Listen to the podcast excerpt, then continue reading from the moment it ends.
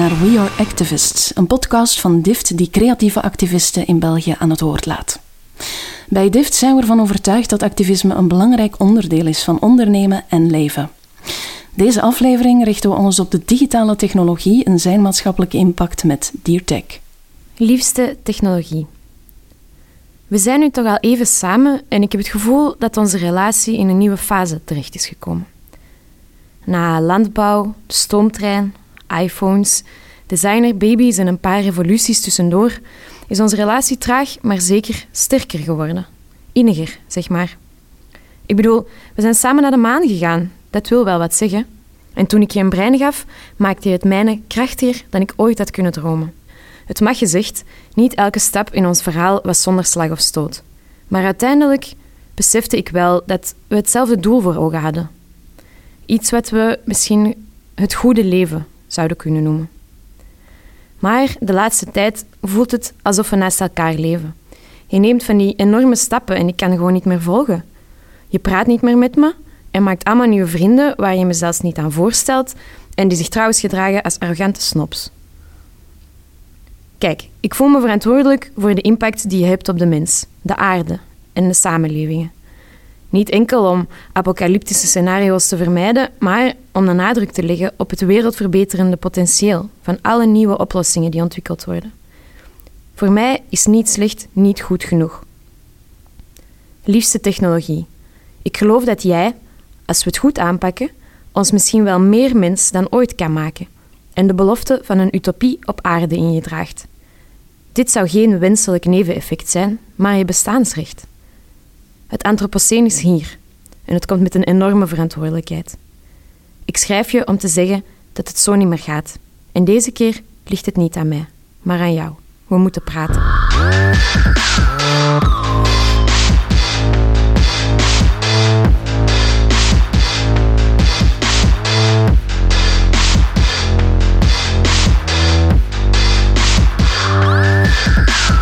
Maarten Annelies van DearTech, welkom. Bedankt uh, om deel te nemen aan, aan onze podcast.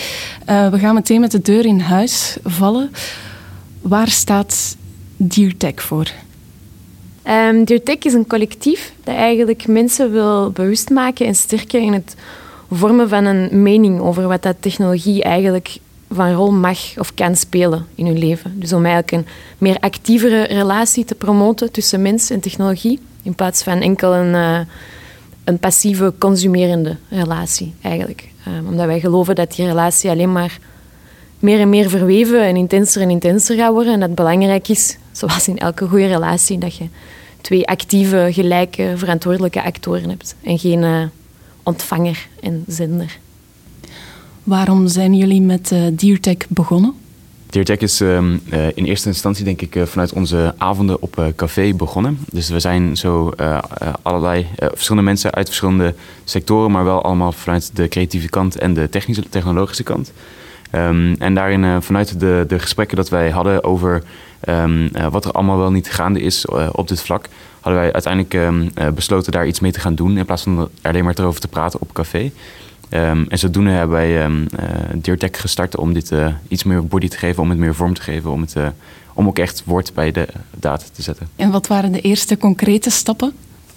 De eerste concrete stap die we hebben genomen, naast wat brainstorms initieel, is um, dat wij een aantal mensen uit ons netwerk hebben uitgenodigd om samen met ons over het concept DearTech na te denken. We hebben daarin gepresenteerd waar we voor stonden, wat we wilden doen, wat we wilden bereiken.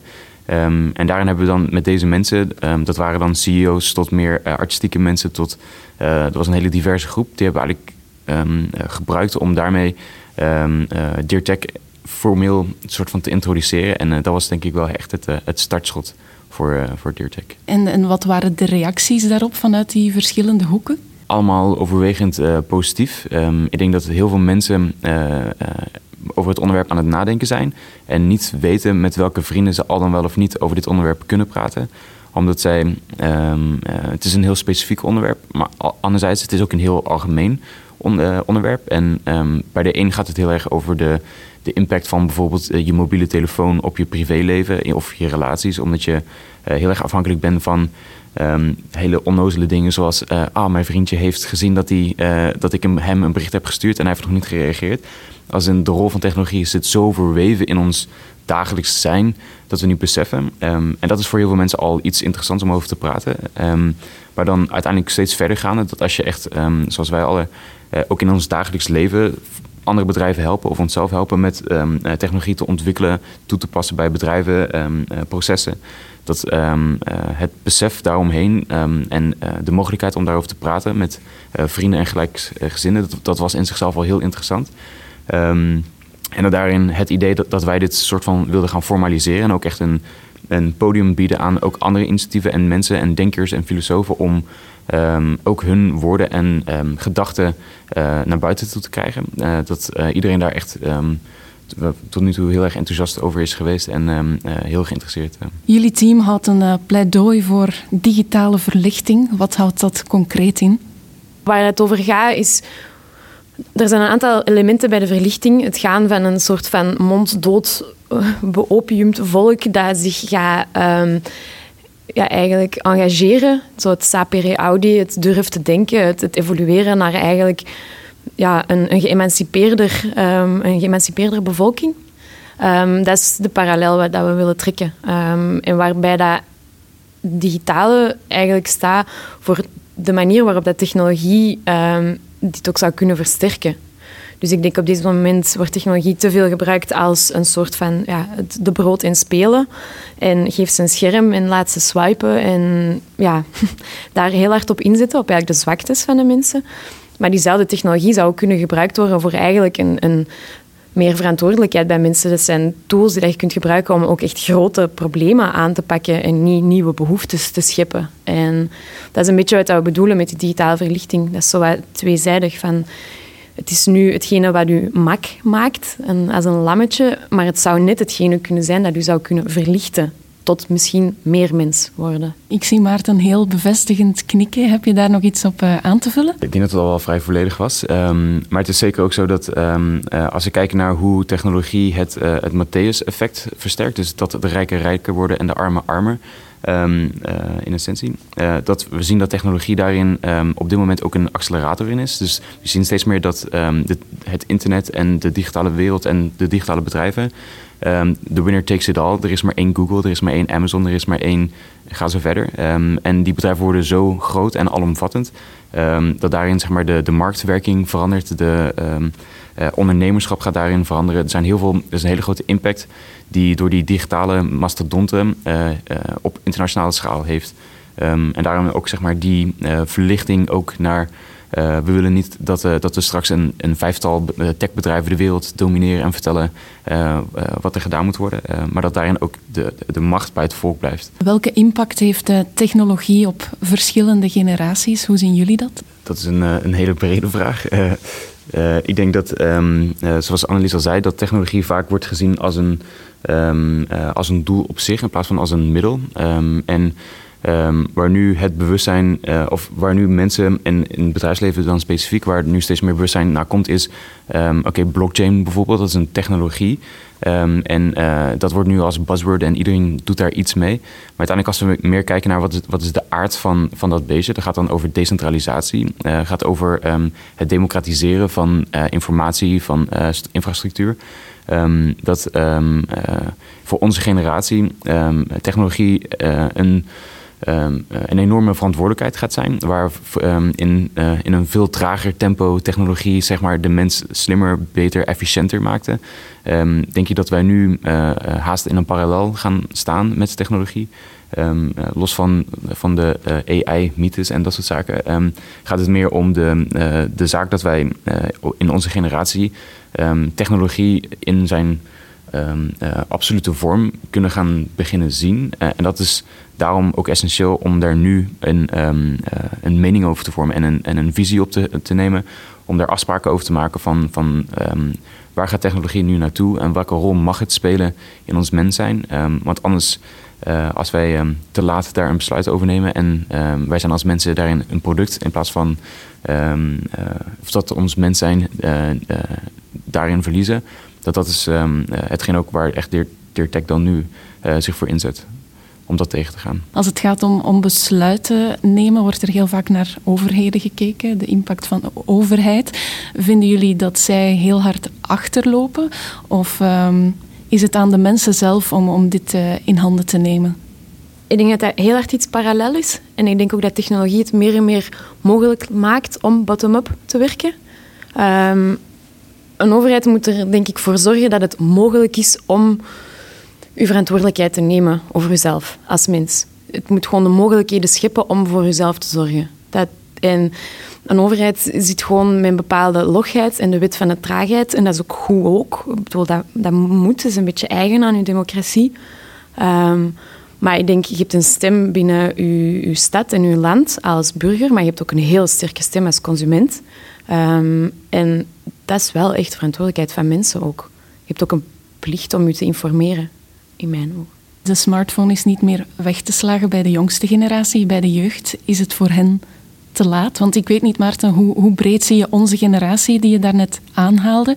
Zit de jeugd daar ook bij? Of zie je die als eerder toekomstige generatie waar wij nu de, de besluiten voor gaan uh, onderhandelen? Uh, ik denk dat in de generatie die ik bedoelde, is, ik denk dat wel inclusief de, de huidige jeugd is met hun mobieltjes.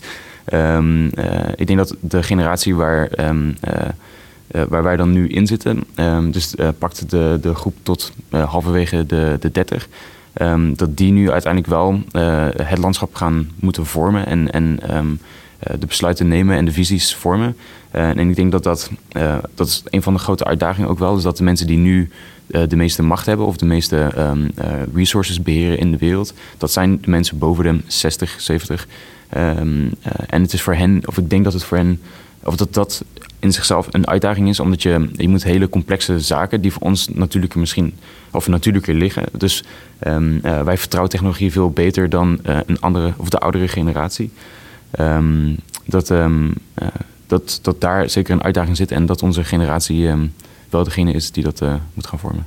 Hoe gaan jullie zelf met technologie om in, in jullie dagelijks en professioneel leven? Is dat vanuit het perspectief van DearTech of betrap je jezelf ook nog op uh, ja, on, onvolmaaktheden in de omgang met uh, die technologie? Ik, ik, werk dus nu in een, in een innovatiebureau um, in Antwerpen en um, wij krijgen, wij krijgen nu situaties waarin we bijvoorbeeld moeten zeggen tegen een klant van oké, we kunnen nu uh, dit proces automatiseren. We kunnen innoveren door robots of algoritmes te gebruiken om iets te, te automatiseren.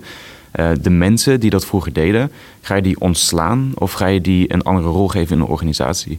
Um, en dat zijn eigenlijk hele, uh, um, hele serieuze zaken waar wij als innovatiebureau eigenlijk niet per se voor zijn opgeleid. We zijn een innovatiebureau, maar wie geeft ons nu de macht of de, de, um, het recht om te zeggen binnen bedrijven of te adviseren, in dit, uh, in dit geval natuurlijk, um, uh, welke mensen zou je moeten ontslaan, welke mensen zou je moeten houden, uh, wat is de, de politiek binnen een bedrijf daaromheen. Um, en ik denk dat, en dat is een heel, een heel gesimplificeerd voorbeeld, maar wel een dat spreekt dat, dat, dat steeds meer mensen voorbij de mensen in, in, de, in die macht hebben, zeg maar, binnen de corporates. Uh, maar van developers tot designers tot um, in, in, mijn geval dan ook bijvoorbeeld consultants. Um, die moeten steeds meer ethische besluiten gaan nemen. En die hebben steeds meer nood, denk ik, aan die verbreding van hun blik. en het groter geheel te kunnen vatten en ook handvatten krijgen om, om ethische beslissingen te kunnen nemen. en ik denk dat dat een, een, een wezenlijk onderdeel is van hoe, hoe wij om moeten gaan met technologie in, de, in dit geval de professionele context. En bij jou, Annelies? Privé heb ik een, een, een echte haat-liefde relatie met technologie. Um, waarbij ik ja, mezelf ook echt zie als een product van deze tijd. Waar ik merk dat technologie mij op mijn zwakste momenten mijn aandacht kan afleiden en mij kan opslorpen. Um, en dat mij zelden energie geeft. Dus het is ook echt vanuit een persoonlijke ervaring, denk ik. Um, maar langs de andere kant meer als uh, filosoof en professioneel heb ik heel veel interesse in die relatie tussen mens en technologie. En, en vind dat wel super interessant om mee bezig te zijn. Ik vind het een heel, heel leuke tijd om, uh, om in te leven op dat, op dat vlak. Er is nog heel veel ruimte voor verandering of experiment. Ja, zeker. Ja, ik denk er zijn weinig grenzen aan wat dat, wat dat een brein vandaag allemaal kan bedenken en kan willen. En dat is ook een beetje wat we met Your Tech willen, willen benadrukken. Het is niet, wij zijn echt niet mee rieken en toort uh, aan het staken tegen technologie. Helemaal niet. Ik wil dat echt ik wil dat omarmen. Um, ik denk dat wij fantastische dingen kunnen doen. Wij wouden vliegen, wij kunnen vliegen. Dat is fantastisch. Wij kunnen gezondere kinderen op de wereld zetten. Wij kunnen... Dat is, ik vind dat echt bijna magisch. Maar ja, we mogen het wel niet zover laten komen dat het ons gewoon in slaap sust en dat we zelf irrelevant gaan worden. Want dan gaan we er ook niet meer zijn om ervan te genieten.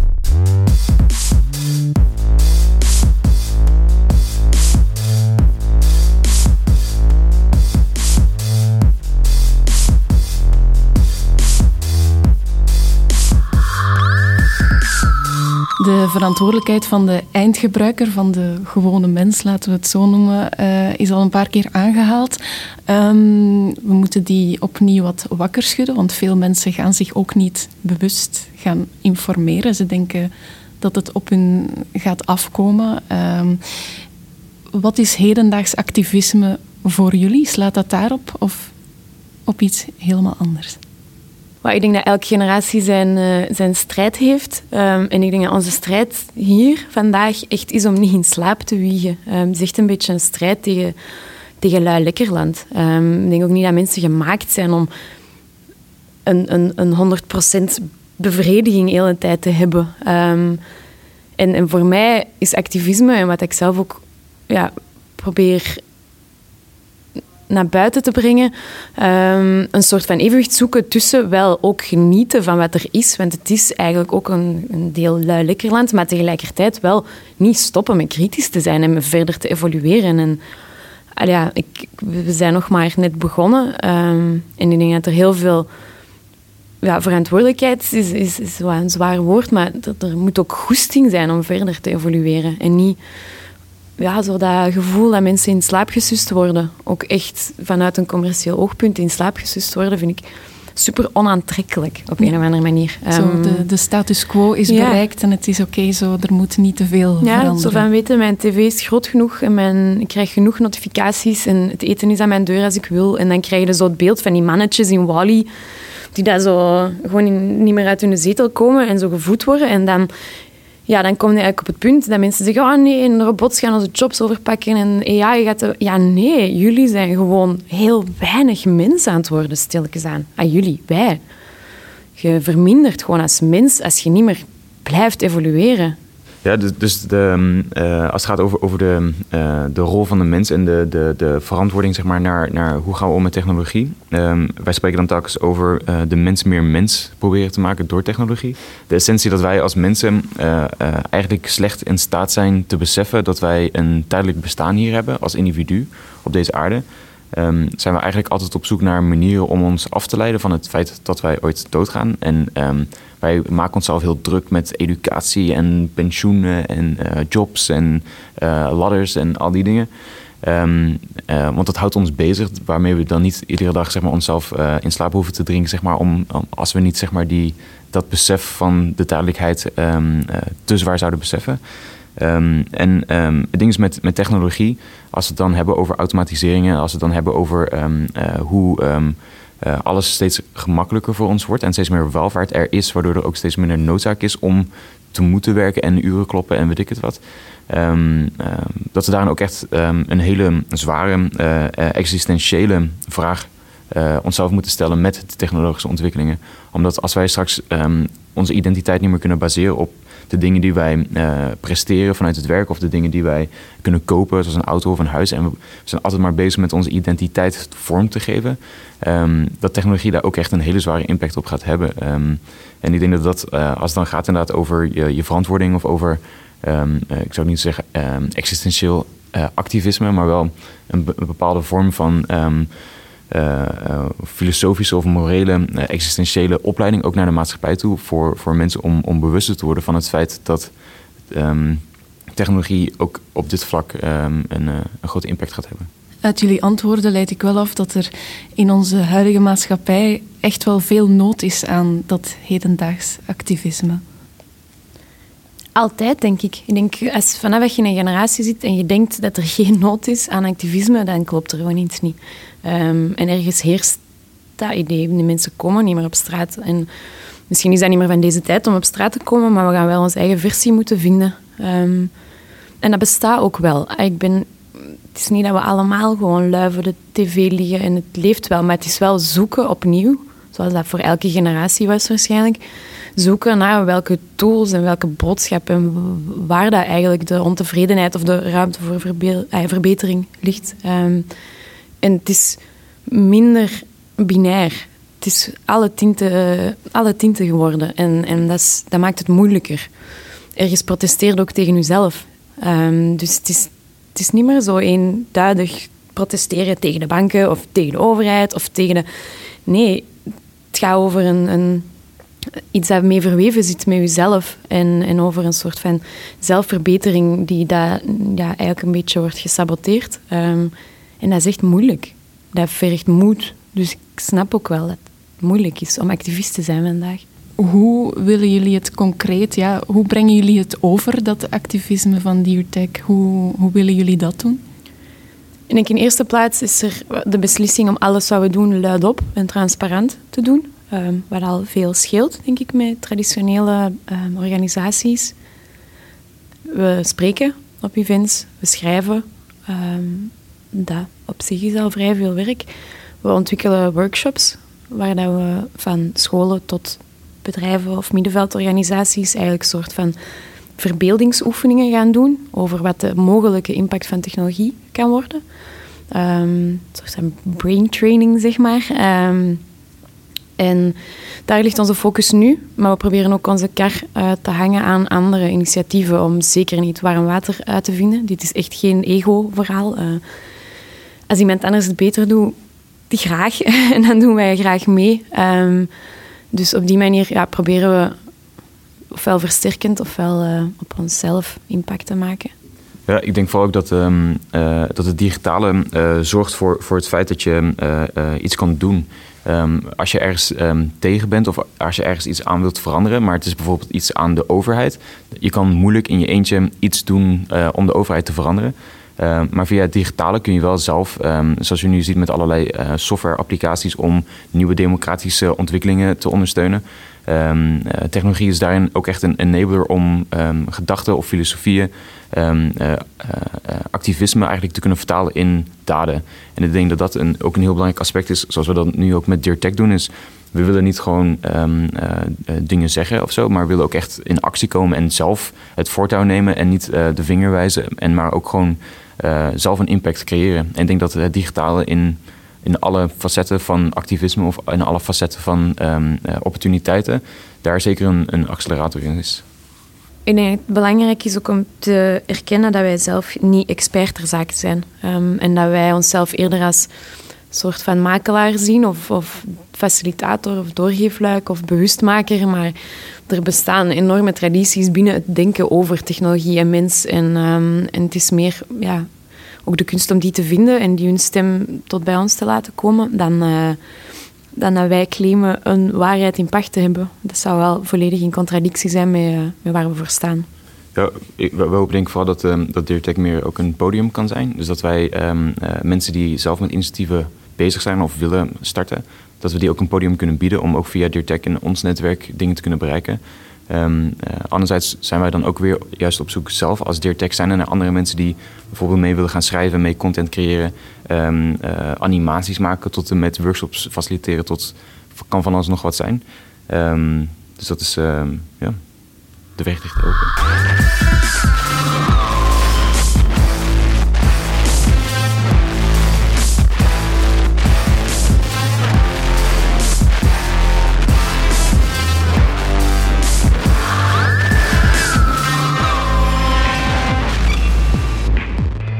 Ons creatief activisme stopt hier niet. Check zeker weareactivists.be en volg deze reeks van 10 afleveringen van deze podcast.